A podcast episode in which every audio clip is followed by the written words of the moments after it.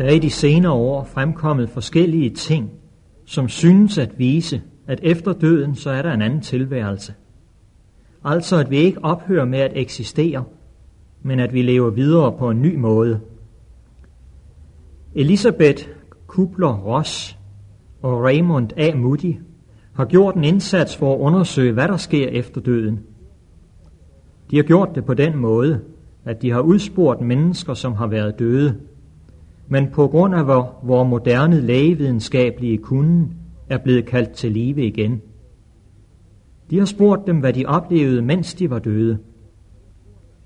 De mennesker, som er blevet udspurgt, har været så nær døden, at man ikke har kunnet observere livstegn. Men det er klart, at de ikke har været døde ifølge den nyere definition på hjernedød. Ja, hvad har de mennesker så oplevet, som har været døde? Flere af dem synes at have oplevet en frigørelse fra lægemet, og har oplevet en anden form for tilstand, end den vi kender. Er det så noget, der kan være med til at bevise den udbredte opfattelse, at vi har en udødelig sjæl, som efter døden forlader lægemet og går enten til himlen eller til helvede? Det er jo en opfattelse, som mange kristne har haft ned gennem tiden. Der er lignende opfattelser, som også bygger på, at vi har en udødelig sjæl.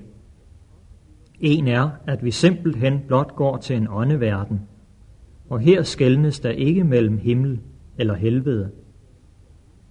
En anden er den, som kaldes reinkarnationen. Det betyder genfødelse, og går ud på, at vi efter døden kommer tilbage til denne verden – og fødes i en ny skikkelse. Nu er vi ikke tilfreds med blot at høre forskellige opfattelser i dag. Vi ønsker at vide, hvad Guds ord at har at sige om dette spørgsmål. Siger Guds ord noget om en udødelig sjæl, og om hvor den opholder sig?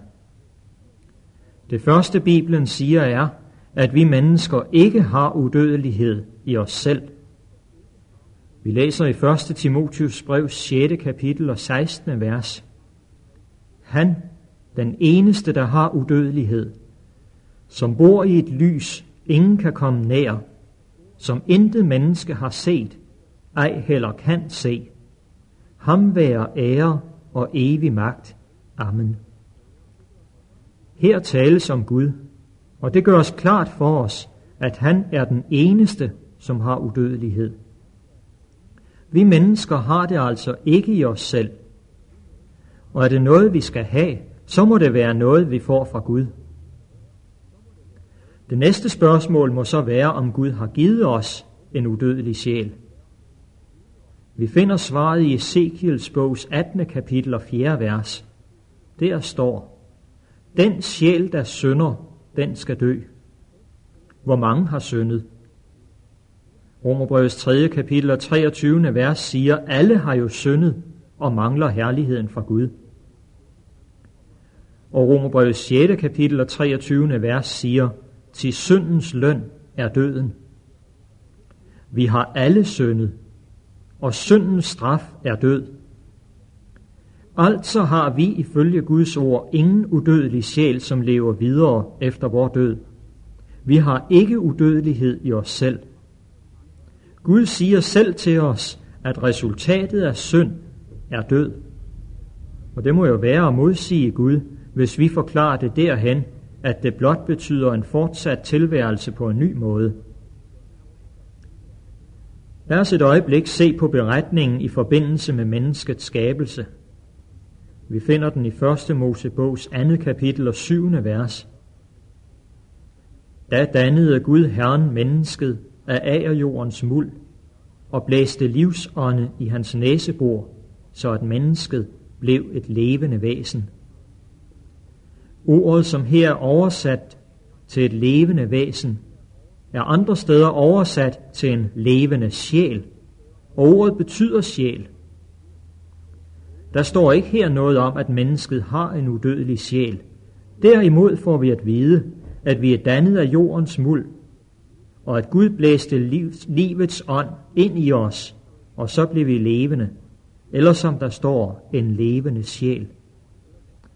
Når den modsatte proces finder sted, Når Gud ophører med at give os livet, så bliver vi til en død sjæl.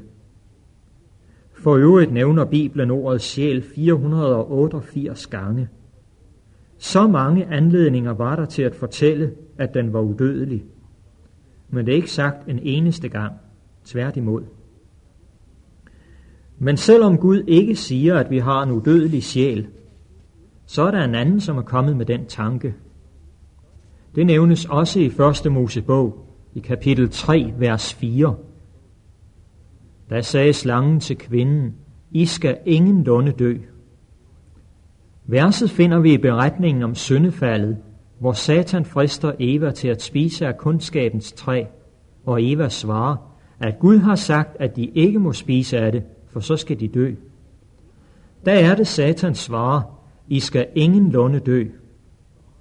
Det sagde han dengang, og den samme tanke prøver han at komme med i dag. Jeg skulle måske her give en lille forklaring angående de undersøgelser, jeg nævnte i indledningen, som synes at pege på en udødelig sjæl.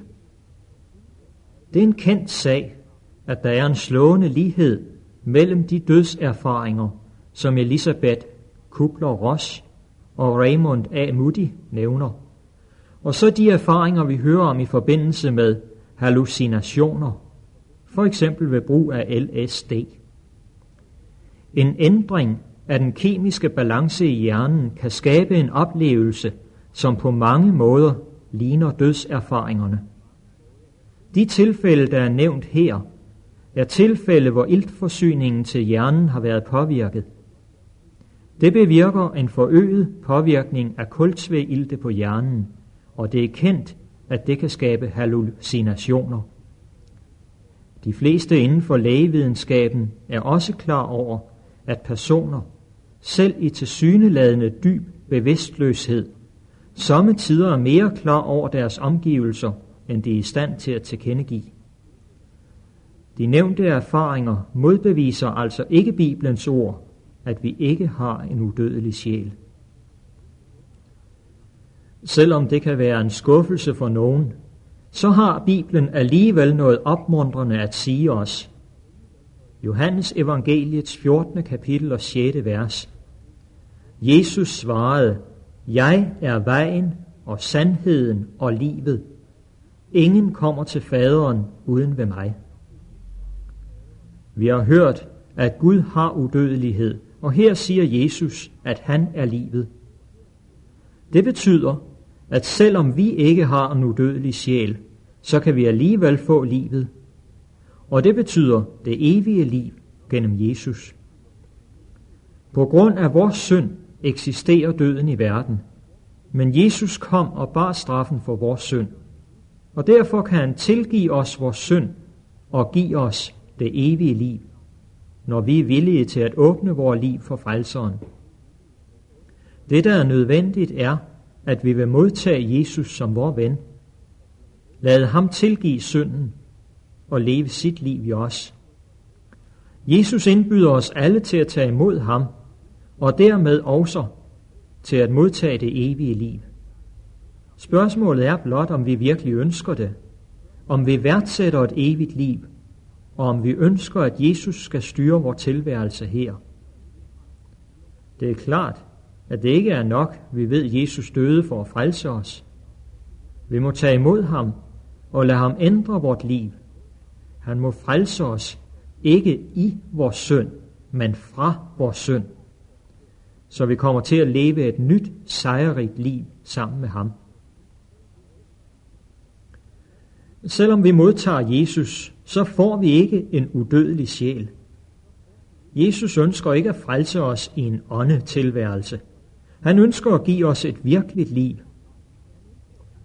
I 1. Thessalonika brevets 4. kapitel, vers 13-18 læser vi.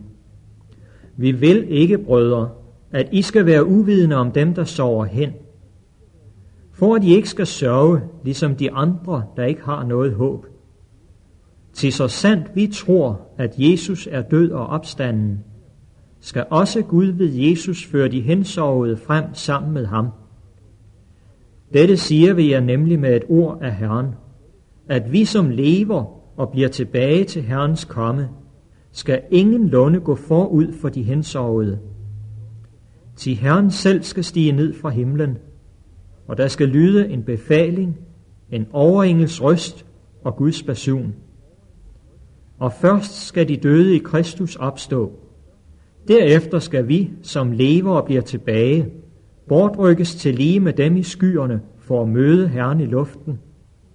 Og så skal vi altid være sammen med Herren. Så trøst hver andre med disse ord. Det ser ud til, at menigheden i Thessalonika var bange for, at de levende troende havde et fortrin frem for de døde. At de ville komme først til himlen. I dag tror mange lige omvendt, at de døde kommer før de levende. Paulus gør det klart, at ingen af delene er rigtige. Når Jesus skal de døde opstå, og så skal de være sammen med deres frelser. Paulus trøster ikke menigheden med, at de døde allerede er i himlen, hvilket han jo burde have gjort, hvis det var tilfældet. Måske mener vi, at det ville være skønt, hvis Guds børn allerede ved døden kunne gå lige til himlen. Nu har Gud ikke planlagt det sådan, og jeg tror, Guds plan er den bedste for os. Hvis de var i himlen og skulle følge deres egne familier her på jorden, som mange jo mener, de kan, og de skulle se dem i krig, i vanskeligheder, eller se, hvordan de levede et liv borte fra Gud, ville det så være lykken for dem og være i himlen? Guds plan er, at de skal hvile i deres grave ind til opstandelsen, og det er den bedste plan. Den samme tanke angående opstandelsen læser vi i Johannes evangeliet 6. kapitel og vers 54. Den, som æder mit kød og drikker mit blod, har evigt liv, og jeg skal oprejse ham på den yderste dag. Det er en skøn tanke, at enhver, som vil modtage Jesus, skal få lov til at opstå til evigt liv. Det er en vældig trøst for os i modgang og i sorg. Tanken om den udødelige sjæl er altså i modstrid med Bibelens lære om opstandelsen. Hvilken betydning havde opstandelsen, hvis vi allerede var i himlen? Der er også et andet trospunkt, som ikke passer ind med denne lære. Det store og salige håb, som disciplene havde, var, at deres kære herre og mester skulle komme igen og hente dem til sig. Og det har også været håbet for de kristne ned gennem tiderne. Det var Jesus, der tændte dette håb i deres hjerter ved sit løfte om at komme igen. Vi læser om det, blandt andet i Johannes evangeliets 14. kapitel og 3. vers. Og når jeg er gået bort, og har gjort en plads rede for jer, kommer jeg igen og tager jer til mig. For at hvor jeg er, der skal også I være. Det er et løfte, som kan opmuntre os. Men hvilken betydning ville det egentlig have, om vi allerede var hjemme hos ham, når vi døde? Jesus siger i åbenbaringens bogs 22. kapitel og 12. vers, Se, jeg kommer snart, og jeg har min løn med mig for at gengælde enhver, efter som hans gerning er. Jesus giver ikke belønningen ved døden, men når han kommer igen. Endelig siger Jesus i Johannes evangeliets 12. kapitel, vers 48, at der bliver en dom på den yderste dag. Det ville være for sent at holde dom, hvis belønningen allerede var uddelt. Den udødelige sjæl eller læren om den udødelige sjæl, er altså i modstrid med Bibelens lære om opstandelsen, om Kristi genkomst, om dommen og om belønningen, når Jesus kommer igen. Lad mig her nævne, at troen på en udødelig sjæl har skabt megen sorg og lidelse ned gennem tiden. Vi kan forstå, at de frelste skulle være i himlen, men skulle de ugudelige så gå direkte til helvede? Ifølge Bibelen så slog Kain sin bror Abel ihjel, og han forkastede Guds tilbud om tilgivelse. Skulle han så have været i pinestedet alle disse år? mens en sønder i dag spares for den tid. Det er ikke retfærdigt. Den katolske kirke har ikke ment, det kunne være rigtigt, at et menneske, som har levet et nogenlunde liv, men ikke har modtaget Jesus, skulle pines på den måde. Derfor lærte man, at den slags mennesker kom i skærsilden. Der skulle de være, indtil synden var renset bort. Læren om skærsilden er altså en naturlig følge af troen på sjælens udødelighed. Det har ført til stor sjæleangst for mange mennesker, som har betalt store beløb for at købe deres kære ud af denne pine. Det har også fremstillet Gud på en forkert måde. Man har hverken set ham som en retfærdig Gud eller som en kærlig far, men som en forfærdelig sadist.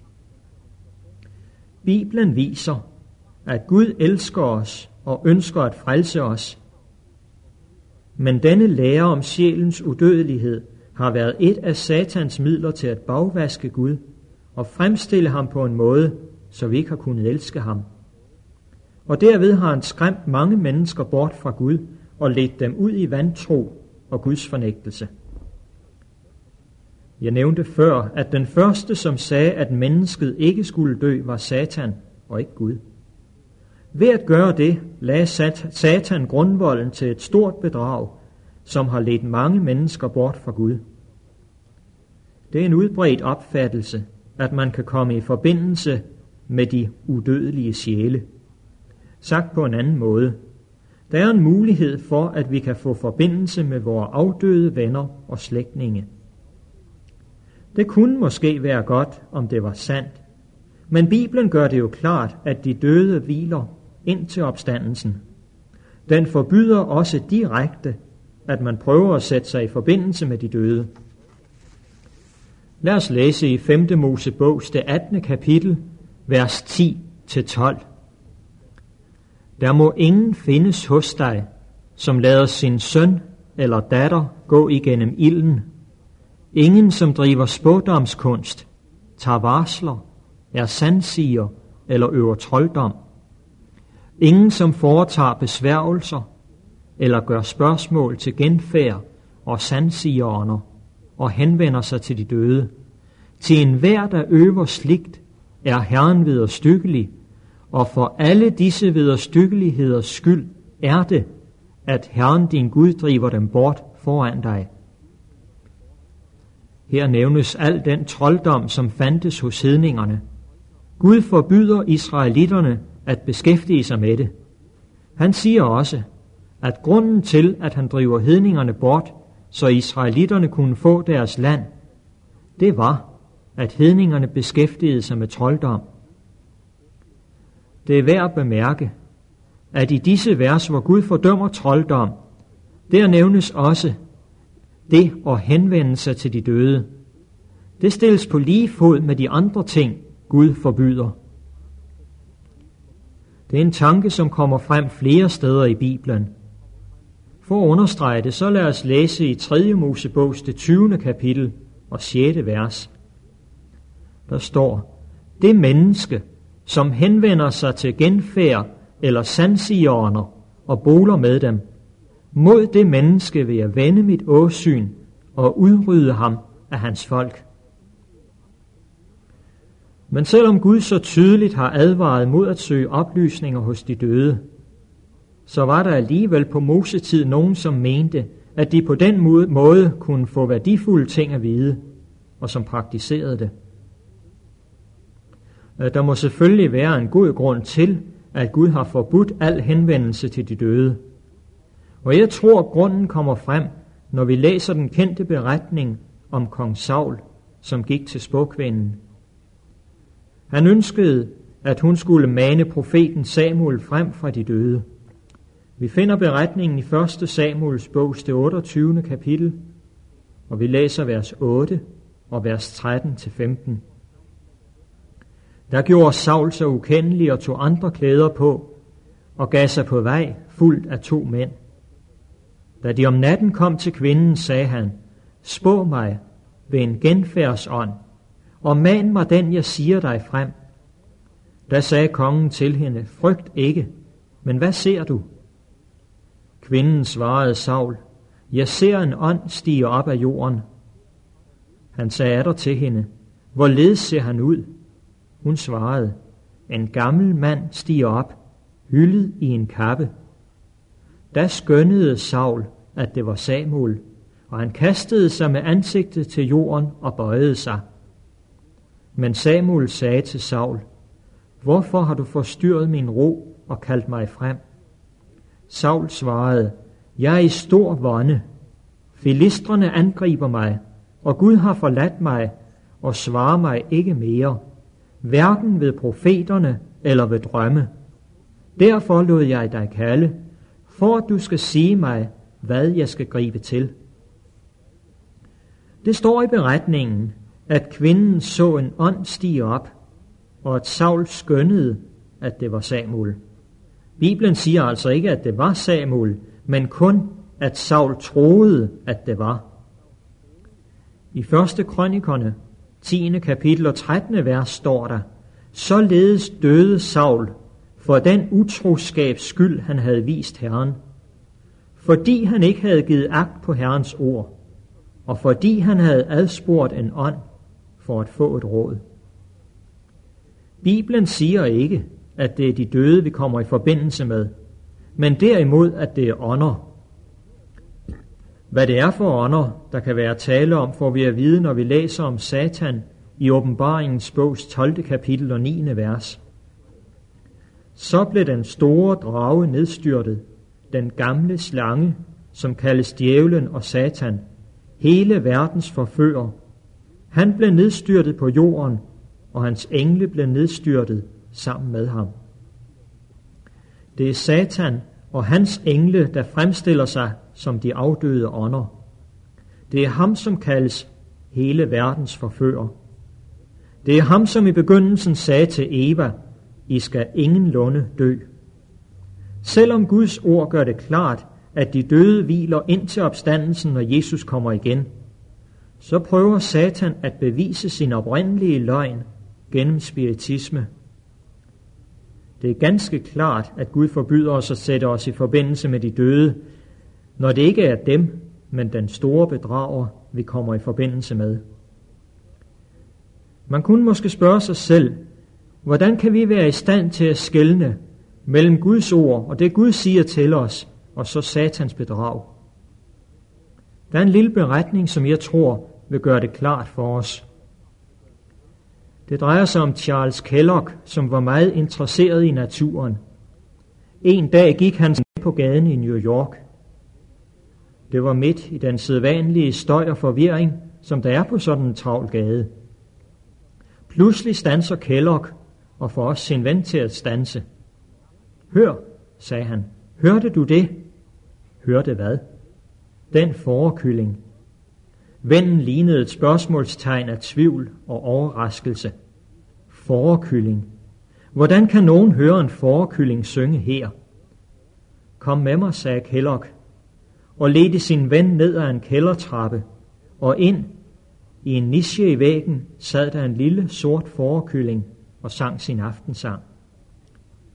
Hvordan kan man have indstillet sit øre til at høre en forekylling og på samme tid udelukke gadens larm, spurgte vennen.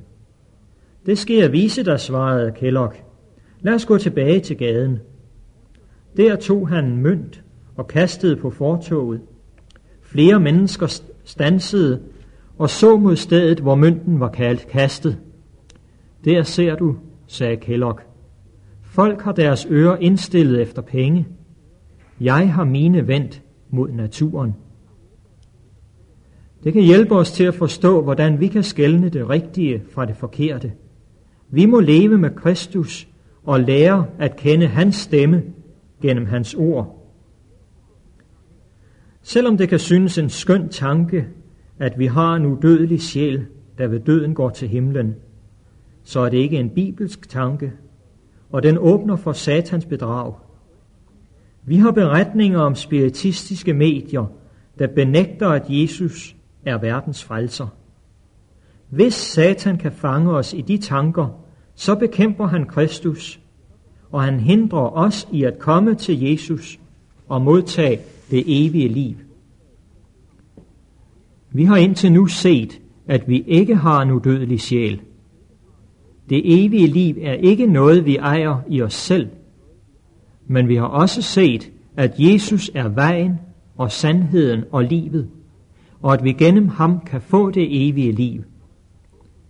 I åbenbaringens bogs første kapitel og 18. vers siger Jesus til os, Frygt ikke, jeg er den første og den sidste og den, som lever, og jeg var død.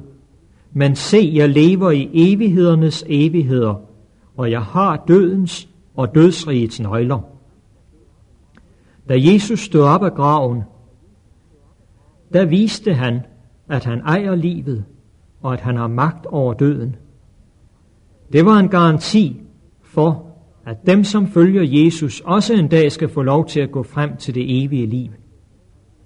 Vi kan altså få udødelighed, men det er ikke noget, vi selv ejer. Det er en gave, som Jesus giver til dem, som tager imod ham som deres frelser. Til dem, som elsker Jesus og ønsker at leve deres liv sammen med ham. Dødsrigets nøgler, som Jesus har, kan åbne for dødens fængsel til det evige liv for både dig og mig. Og vi behøver ikke at frygte, uden måske dette ene, at møde fremtiden uden Jesus og uden dette håb om et evigt liv i Guds rige. Skal vi ikke på en ny modtage Jesus, så han kan få lov til at frelse os helt og til at give os evigt liv? Og skal vi ikke takke ham for den mulighed, han har åbnet for enhver af os? Kære frelser, tak fordi du har åbnet dødens porte og åbnet for det evige liv. Vi ønsker at gå ind til livet, og vi ved, vi ejer kun livet, når vi har dig. Vi ønsker den nære personlige forbindelse med dig, at du skal være vor frelser, og at du skal lede og føre os. I Jesu navn. Amen.